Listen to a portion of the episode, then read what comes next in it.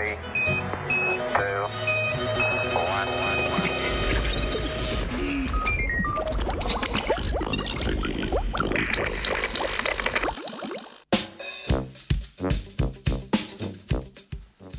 Zbritov štiric.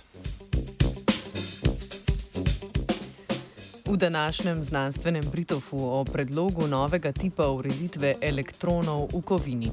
Mednarodna raziskovalna skupina poroča o spontanem zlomu simetrije na obrat časa v kovinski fazi dopiranega železovega arsenida, pojav pa pripisujejo vezanemu stanju štirih elektronov. Nenavadni superprevodniki na osnovi železa so bili odkriti leta 2006. Še vedno pa ne poznamo mikroskopskega mehanizma za njihovo superprevodnost. Ena izmed posebnosti teh sistemov je, da na njihove lastnosti pomembno vpliva več različnih elektronskih orbital. Te med seboj tekmujejo, v kateri bo prej prišlo do superprevodnosti, torej kje bodo elektroni prej kondenzirali v pare. V posebnih primerjih je izid te tekme neodločen, superprevodni kondenzat pa tako dobi dve različni komponenti. Dvokomponentna superprevodnost zlomi simetrijo na obrat časa. Ta simetrija pomeni, da se ne bi nič spremenilo, če bi čas začel teči nazaj.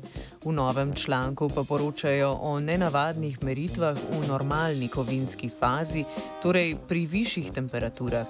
Železov arsenit je tu običajen prevodnik, v nasprotju s pričakovanji pa so malo nad superprevodnim prehodom opazili termoelektrični Nernstov pojav v odsotnosti magnetnega polja. Iz tega eksperimentalnega rezultata sklepajo o zlomljeni simetriji na obrat časa. Meritev anomalnega Nernstovega koeficienta so podkrepili še s termodinamskimi meritvami, ki jasno pokažejo prehod v dvokomponentno superprevodno stanje in so skladne z obstojem še enega prehoda pri višji temperaturi. Med njima se nahaja nova faza, za njeno opis pa skupina predlaga korelacije parov elektronov iz različnih orbital. Čeprav parjenje elektronov v vsaki orbitali še ne poteče, naj bi se v skupek ujeli kvantni fluktuaciji dveh neoblikovanih parov. Predlogu pravijo kvartična kovina, ta pa se pridružuje druži, družini faz z ureditvenimi parametri sestavljenimi iz štirih elektronov.